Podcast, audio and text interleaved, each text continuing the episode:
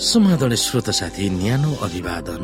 म उही तपाईँहरूको आफ्नै मित्र धनलाल राईको श्रोता। आज म तपाईँको बीचमा बाइबल सन्देश लिएर आएको छु। आजको बाइबल सन्देशको शीर्षक रहेको छ पवित्र स्थानको शुद्धिकरण।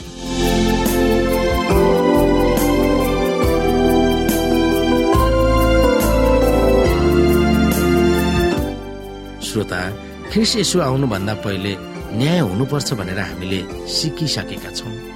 उच्च स्वरले स्वर्गदूतले घोषणा गर्दछ कि इन्साफको समय आइसकेको छ। जो प्रकाश चौध अध्यायको साथमा यो इन्साफ कहिले सुरु भयो भनेर दानियलको पुस्तकले हामीलाई देखाउँदछ।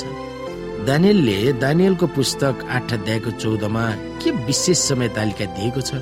जब पवित्र स्थानको शुद्धिकरण वा पुनः अर्पण हुन्छ भनेर हामीलाई औल्याउँदछ यहाँनिर हामी हेर्न सक्छौ उनले मलाई भने दुई हजार तिन सय साँझ र बिहान लाग्नेछ तब पवित्र स्थानको पुनः अर्पण हुनेछ।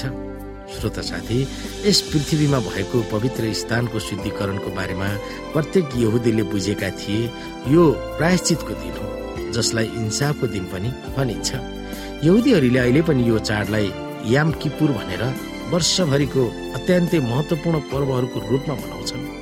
दानियलले पवित्र स्थानको शुद्धिकरण वा पुनः अर्पण र इन्साफको बारेमा बुझे तापनि उनी तेइस सय दिनको बारेमा अलमल्लमा परेका थिए।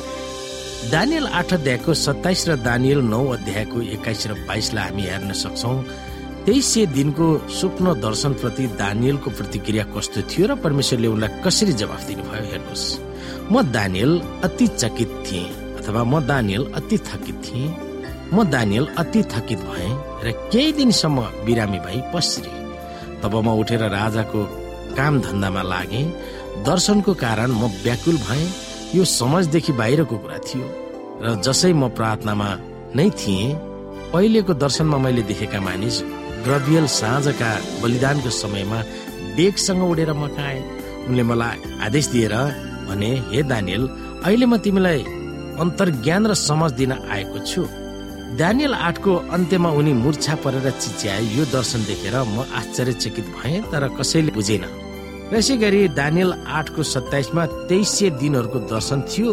अरू दर्शनहरूको अर्थ उनलाई व्याख्या गरिसकेका थिए। दानियल आठ अध्यायको उन्नाइसदेखि बाइसमा अर्को अध्याय दानियल नौमा र स्वर्गदूत गर्बियल दानियल कहाँ आएर तेइस सय दिनको भविष्यवाणीको बारेमा अर्थ खुलाउन यसो भन्छन् हे दानियल अहिले म तिमीलाई अन्तर्ज्ञान र समझ दिन आएको छु। आफ्नो प्रार्थनाको जवाफ गब्रियलले जवाफ दिएर प्रकट गरेकोमा दानियल अचम्मित हुन्छन्। उनले प्रार्थनामा सोचेको भन्दा अर्थ ठुलो थियो। स्वर्गदूत ग्राबियलले दानियललाई समय तालिकाको श्रृङ्खला दिन्छन् त्यसमा मसिहको आगमनको सत्यको बारेमा प्रकट गरिएको थियो। उहाँको सेवा कार्यको सुरुदेखि उहाँको निष्ठुर मृत्यु अनि पवित्र स्थानको शुद्धिकरणका घटनाहरूसम्मको ठ्याक ठ्याक समय दानियललाई गाब्रियलले बताउँदछन्। जुन दानियल आठमा उल्लेख गरिएको छ अर्थात् ख्रिसको मृत्यु र इन्साफ एक आपसमा गाँसिएको घटना हो। त्यसलाई अलग गर्न सकिँदैन। दानियल आठको चौधसँग इन्साफको बारेमा सिधै जोडिएको यसुको मृत्युको महत्व के छ जुन दानियल नौ अध्यायको चौबिसदेखि सत्ताइसमा प्रकट गरिएको छ? यसमा लेखिएको छ तिम्रो जाति र तिम्रो पवित्र सहरको निम्ति अपराध खत्तम पार्न पाप समाप्त गर्न दुष्टताको लागि प्रायश्चित गर्न अनन्त धार्मिकता ल्याउन दर्शन र अगमबाडीलाई मोहर लगाएर बन्द गर्न र महापवित्र स्थानलाई अभिषेक गर्न सत्तरी सातहरूको आदेश तोकिएको छ। यो जान र बुझ एरुसलेमको पुनर्स्थापन र पुनर्निर्माण गर्न यो आदेश जारी गरेको समयदेखि अभिषिक्त जन अर्थात् एक शासक नाउन्जेलसम्म सात सातहरू र बैसठी सातहरू हुनेछ।